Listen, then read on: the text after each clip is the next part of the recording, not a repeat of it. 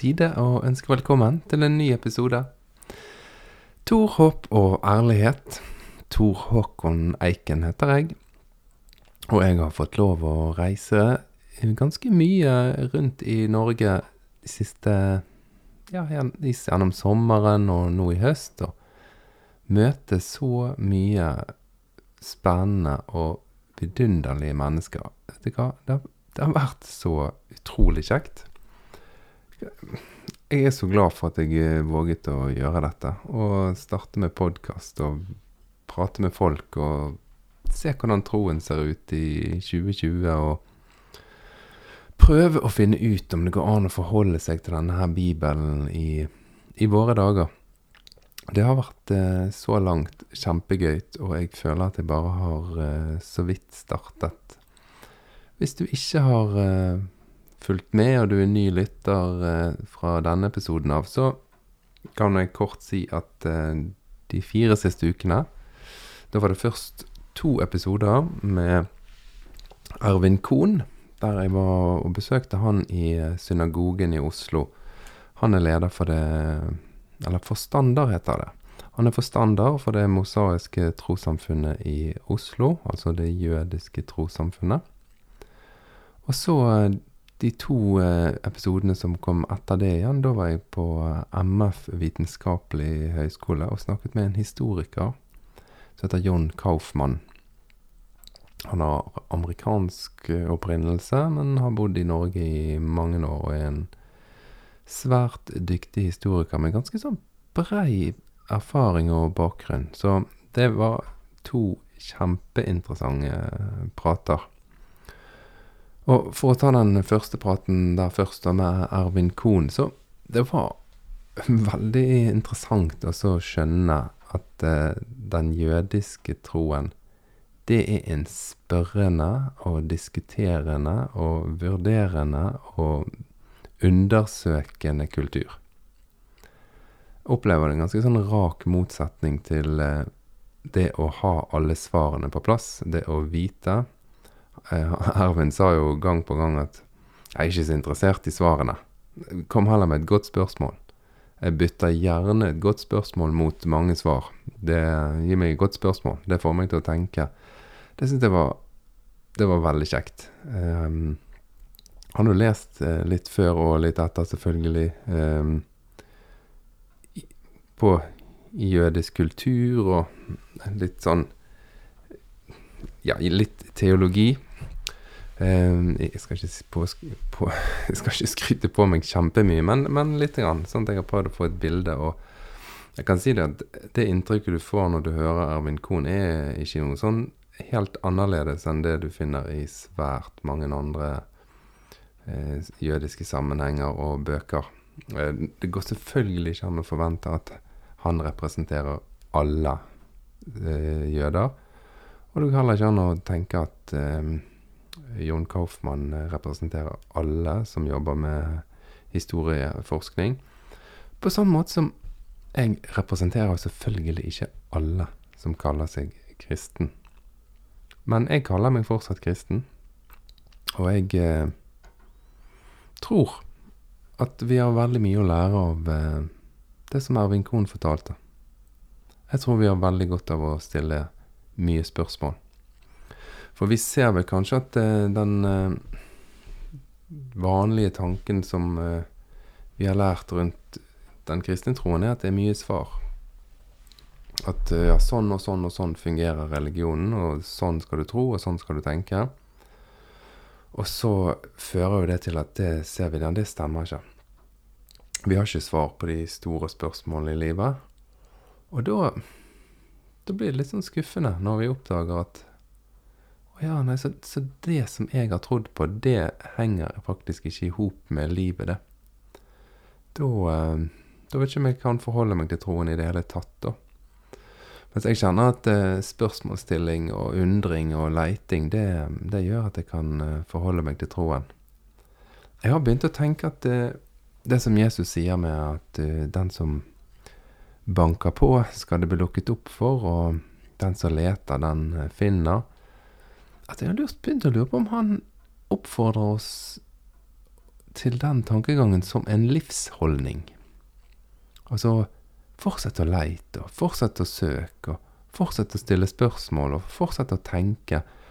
For vi vil jo hele tiden møte nye utfordringer og nye valg der vi må gjøre, gjøre valg. Altså der vi må ta en beslutning og gå i en retning. og ja, Det er jo alt fra sånn private ting. sant? Utfordringer i vennskap eller i familierelasjoner, eller i hva jobb jeg skal gjøre, eller hva jobb jeg skal ta. Fortsett å søke og leite. Og hvis du kjenner at du innimellom blir sånn frustrert og rastløs på innsiden, ja, så ta det som en uh, positiv ting, da. Hvordan tenke sånn Ja, nå kjenner jeg på litt frustrasjon og rastløshet her. Her er det nok et uh, tegn på at jeg skal gjøre noe annerledes. Fortsette å søke og leite. Og ta noen eh, valg og ta noen skritt videre. Ja, jeg, jeg blir glad av det, da. Og det interessante, det har du kanskje merket, men uh, i løpet av de siste årene så har jeg fått en uh, stor glede over å lese Bibelen igjen. Og som jeg har nevnt før på podkasten, så hadde jeg mange år der jeg ikke Jeg klarte ikke det. Jeg kunne ikke forholde meg til den boken. Fordi at jeg hadde lært at uh, det var Guds ord, og i den boken skulle jeg finne noen svar. Og en av grunnene til at jeg hadde så lyst til å snakke med en i de mosaiske trossamfunnene, var for at jeg eh, leste en eh, jødisk forfatter som sa det at eh, dere som har en sånn religion der du har svar, og bruker Bibelen, da er dere vant med å begynne med en problemstilling, og så liksom trekke en trakt ned i Bibelen, så finne ett vers som skal være svar på det store spørsmålet. Han, jeg skriver han at han tror at det er mye sunnere tanker å begynne med et spørsmål i Bibelen, og så la det være utgangspunktet for samtalen, sånn at det kan utvikle seg til en svær trakt over det skriftstedet, istedenfor å begynne med et stort, vanskelig spørsmål og dra det ned og lage en fasit i ett vers. Ja, jeg vet ikke om det var forklarlig, og jeg skulle illustrert det, men du får prøve å, å tenke hva, hva jeg mener. Jeg må fortelle én ting til. Jeg eh, holder på å lese på noen eksamener nå. Jeg skal begynne med flere eksamener de neste ukene. Ja, både historie og religion. Det er kjempe, kjempe, kjempe, kjempegøy fag. Utrolig deilig som voksen mann å bare kjenne at tankene blir utfordret, og nye perspektiver kommer til, og noe av det jeg har tenkt, blir knust, og noe av det jeg har tenkt blir oppmuntret til å tenke videre på. Det, eksamener er kjempegøy. Men jeg har en litt sånn litt utfordrende tanke til deg i dag. For i det at jeg sitter og forbereder meg til eksamen, så har jeg også gått og følt litt på at den eh, kristne religionen, den har vært oppe til eksamen denne høsten. Og jeg må dessverre si at jeg tenker at vi har strøket grundig og alvorlig. Det er akkurat som vi ikke kjenner til historien vår, så later som at å ja, det var forferdelig at vi var veldig sterkt antisemittisk eh, tidligere, men sånn er ikke vi nå lenger. Fordi at vi møter utfordringer i dag som om vi aldri har gjort en eneste feil før. Som om de tabbene og den historien som den kristne troen har med seg i bagasjen, akkurat som den ikke gjelder oss. Du kommer til å skjønne hva jeg mener. Men folkens, sånn kan ikke vi tenke. Jeg tenker at nå må vi lese og så melde oss opp igjen til eksamen. Og mm, få et litt bedre resultat neste gang. Ok. Her. Noen små stikkord fra siste uker og måneder. Det har vært en eh, valgkamp i USA. Og enten du tror det eller ei, så har det blitt synlig at den kristne troen, den krever at du skal støtte en person som er utvalgt av Gud, eh, og den personen sier forferdelige ting om kvinner, har rasistiske uttalelser, skaper splid og krig og deler ut løgn. Men det er veldig viktig at de som tror på Jesus, de må stemme på den personen. Jeg fikk noen sånne her eh, meldinger fra folk, eh, litt perifert bekjente, da. I løpet eh, av eh, dagene etter valgdagen. Og da fikk jeg sånne meldinger om at nå må alle være med og be, for dette valget holder på å bli stjålet. Sannheten skal komme fram. Og så tenkte jeg hva i all videste verden? Og så åpnet jeg meldingen og så vedlegget, og der var det en video der det var laget en masse tanker om hvordan dette valget var rigget. Så sender jeg da melding tilbake til den som sendte meg meldingen, og så spør jeg ehm, Du, eh, hvor kjenner du denne personen fra som har laget denne filmen? Hvordan vet du at innholdet har noe med sannheten å gjøre? Det fins jo uttalelser nå fra valgmyndigheter som eh, kan fortelle oss litt mer eh, fakta, men hvor kommer disse faktaene fra? Og istedenfor å svare, så eh, får jeg da tilsendt en, en ny sånn profetisk uttalelse, og denne gangen fra en veldig kjent eh, bønneleder. Jeg tror han var bønneleder for en sånn eh, Reinhard Bunke eller noe sånt. En sånn kjempekjent eh, predikantmann. Der hun på en måte driver og snakker profetisk. Altså det ordet profetisk er jo så corny at du vil jo kanskje ikke helt forstå hva jeg mener. Men ok, jeg, jeg gidder ikke forklare det nå. Men der hun liksom snakker om at dette er Guds vilje nå, og alt dette her andre kommer til å bli avslørt. Altså det er et sånt tåkeprat uten sidestykke. Og nå er det sikkert sånn fordi at jeg har vært eh, arbeidet i menighetssammenheng, så, så blir det mer sånne ting som dette her i min feed enn for folk flest. Men jeg har jo skjønt at eh, tankene og miljøene er ganske store. Og så tenker jeg litt sånn hvordan, hvordan kom vi der? Hvordan kom vi som Jesus-etterfølgere der? At det er viktig for oss at vi må støtte en fyr som oppfører seg helt absurd. Og hvordan kom vi der at eh, ingen av som representerer de miljøene, har f.eks. Eh, laget en feiring av at eh, USA fikk sin første svarte president? Nei, det tror jeg ikke. Jeg har heller ikke sett at de har feiret at eh, vi har endelig fått en eh, kvinnelig visepresident. Det er jo helt vanvittig en annen eksamen som vi nettopp har vært opp til. Og den kjente jeg at den har vi strøket så mange ganger at jeg vet ikke om jeg eh, orker å tenke på den lenger. For så vidt så sto vi på eksamen denne gangen òg, men det er jo bare etter tusenvis av uh, forsøk. Uh, I Bjørgvin, så bispedømme, så var det nyheter nå at Vet dere hva? Nå skal ikke det lenger være lov å reservere seg mot å jobbe sammen med kvinnelige prester. Yeah! Jippi! Jeg bare kjenner at jeg blir pinlig berørt. Hvordan, hvordan er det mulig? At fordi vi tror da at en mann fra Galilea viste oss hvem Gud var, ved å gjøre godt mot de han møtte, mot å inkludere de som hadde det vanskelig, så tror vi at det å etterfølge han, det er å hindre utvikling. Vi må være de siste som får farge-TV, og vi må være de aller siste som på noen måte godtar likestilling. Hallo! Ja, nå sto vi på den eksamen i Bjørgvin bispedømme, da. Men vi har jo ikke klart å stå den eksamen i eh, ganske mange andre menighetssammenhenger. Det er jo faktisk sånn at det er store organisasjoner i Norge som da nå, siden de skal kunne ha noen eh, kvinnelige forstandere, så må de opprette et eldsteråd i tillegg, da, eller et eller annet sånt, en sånn ledergruppe i tillegg, som består av bare menn. Som skal ha ansvar for lærespørsmål. Og vet dere hva? Det er fortsatt sånn at det finnes kvinner som er medlem i de organisasjonene. Det er jo helt vanvittig! Når jeg sitter og leser Marx nå, og han kaller eh, religion for folkets opium, så må jeg innrømme at jeg tenkte på det. Jammen santen.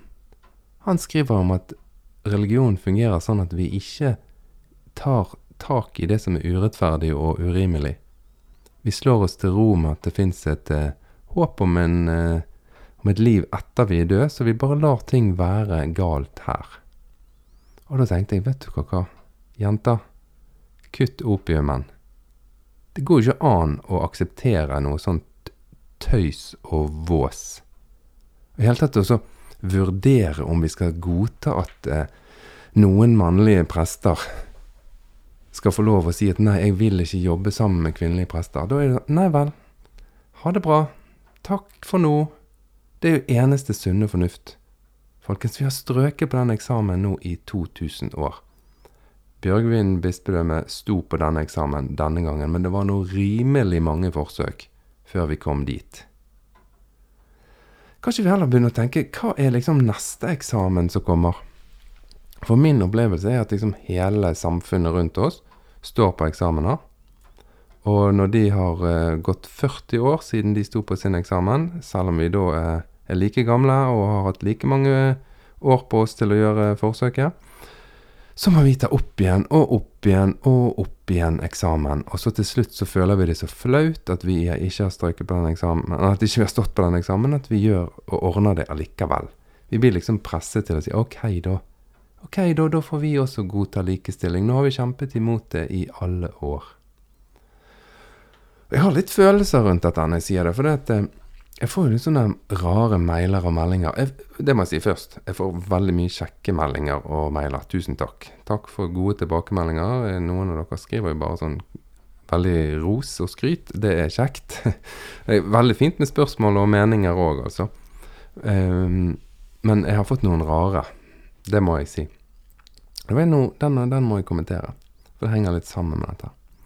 Jeg fikk en uh, mail fra en fyr som sier til meg at uh, Du, jeg så at du kommenterte i avisen, og at du sammenlignet uh, det å diskriminere på bakgrunn av etnisitet og hudfarge med det å diskriminere LHBT-mennesker.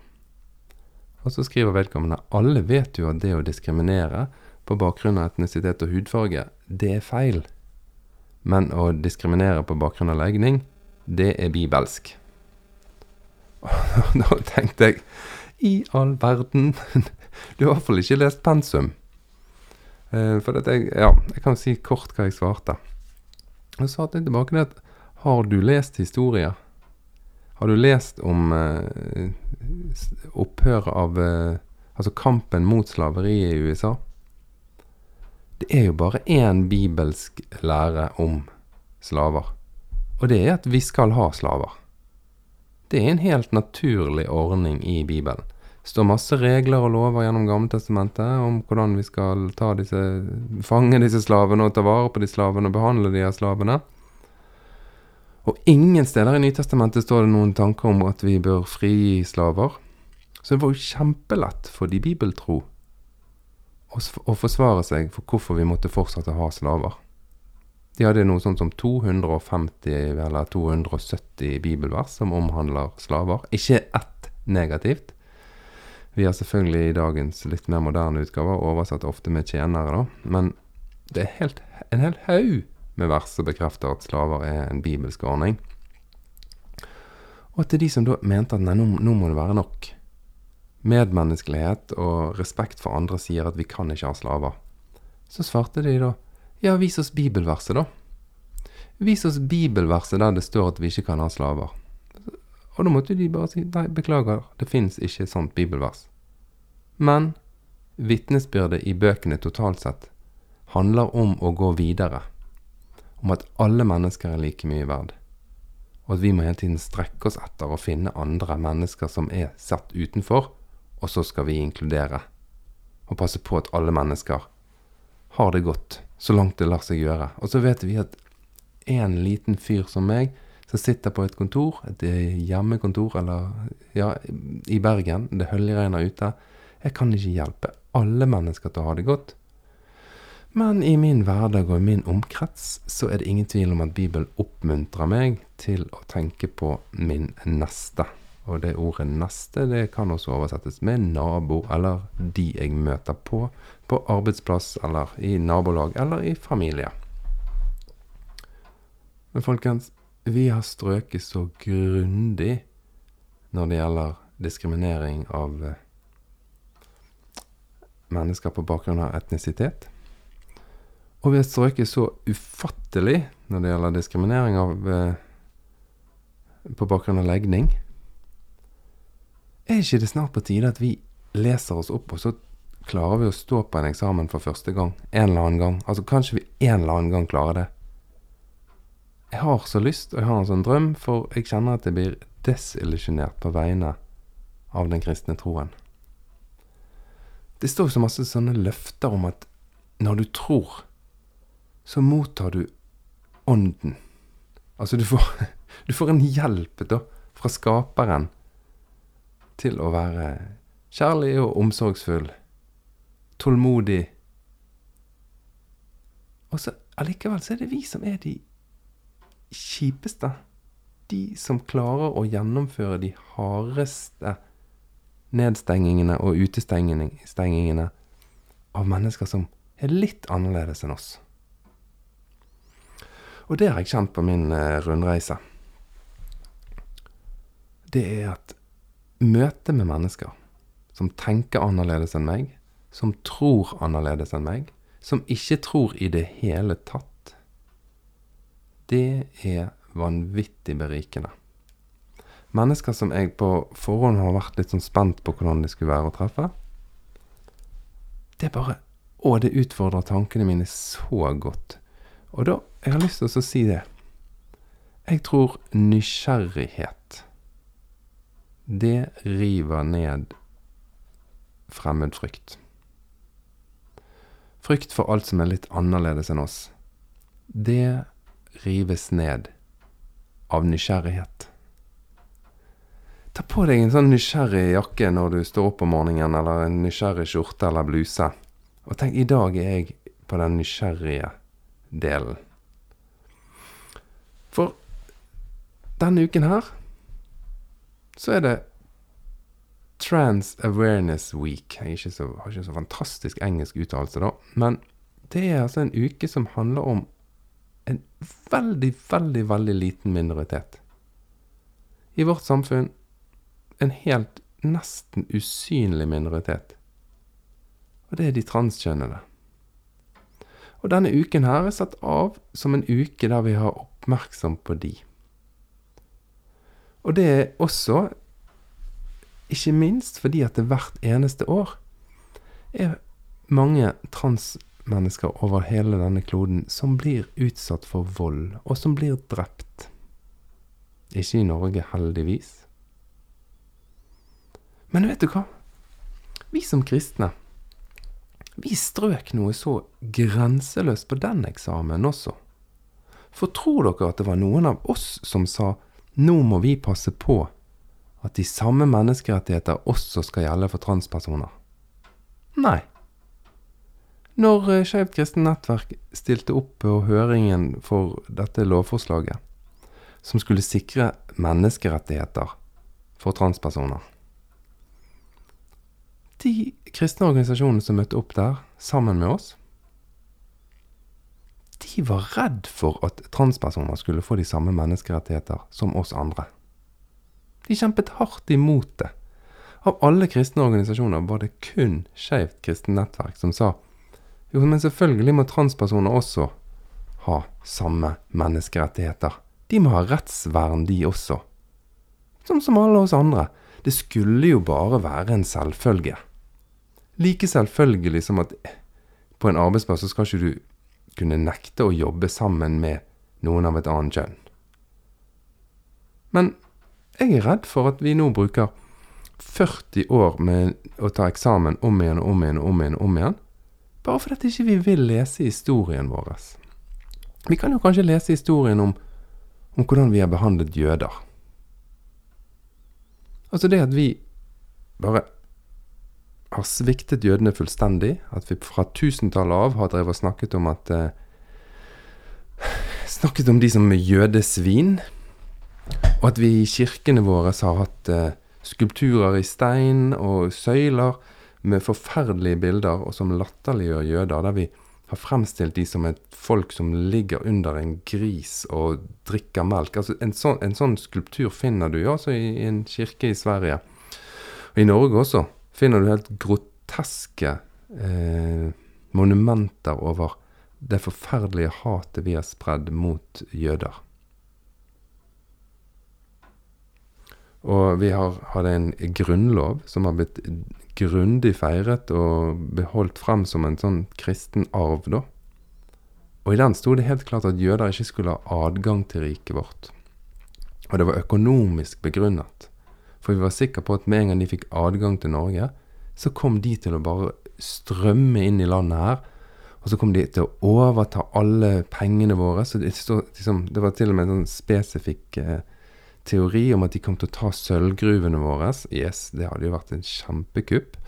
Men det var vi virkelig redd for. Og jeg tror sånn første året etter at uh, Wergeland da hadde stått på kjempelenge for å få fjernet denne jødeparagrafen, og si at selvfølgelig må de også få lov å komme inn i Norge. Men da var alle så redd for at det skulle bli så grådig mange, og de skulle overta. Jeg lurer på om første året om det kom. Det er i hvert fall under ti. Og så gikk jo det syv år til før det kom én til. Tror, det, det, er på, det, er på, det nivået her, altså. Det kan hende det var omvendt, at det var én første år og syv etter ti år. Men det var sånn omtrent ingen som kom. Og hvorfor gjorde ikke de det? Det vet jeg ikke. Men jeg vil jo tro at det er jo ikke så utrolig fristende å reise til et land der vi nå i lang tid har hatt en lov som nekter folk å komme inn, og vi virkelig hater det. Og vi klarte jo å vise det òg, da når andre verdenskrig startet. Da klarte vi også å samle sammen så mange jøder som mulig og få sendt de ut og sendt de i konsentrasjonsleirer. Vi har en arv som ikke er riktig klok. Som kristen har jeg en arv som gjør at jeg egentlig bare burde skamme meg. For vi har strøket på eksamen når det gjelder jøder. Vi har strøket på eksamen når det gjelder kamp mot islamofobi. Vi har strøket på eksamen når det gjelder å stå opp for for svarte.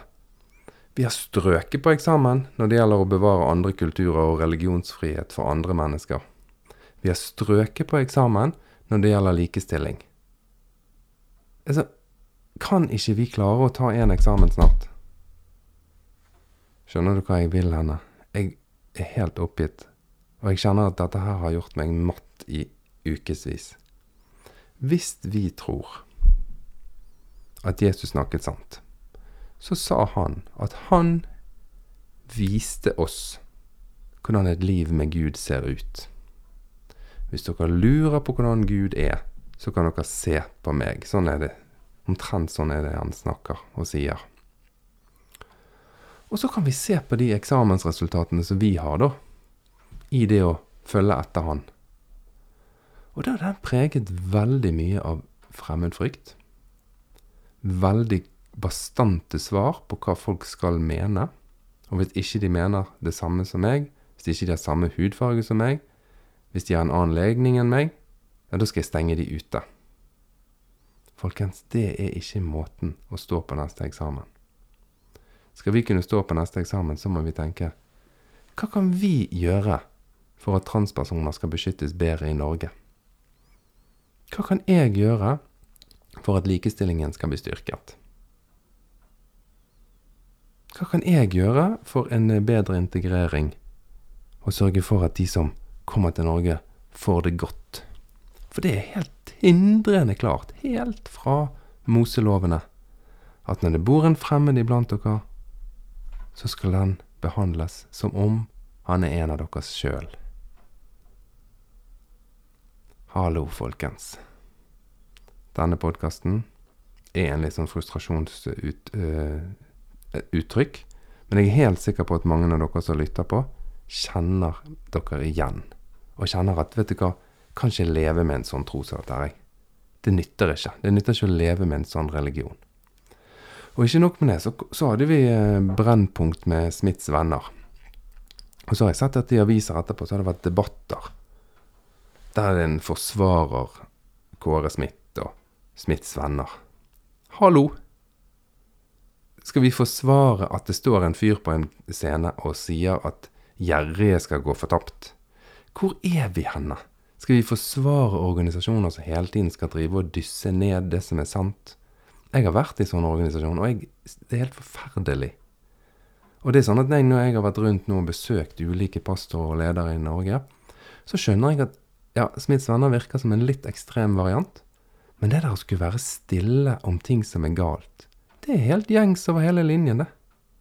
Du vil ikke tro hvor mange menighetsledere som har sagt til meg jeg skulle ønske jeg kunne støtte homofile, men jeg våger ikke. Og du må ikke si til noen at vi har møttes.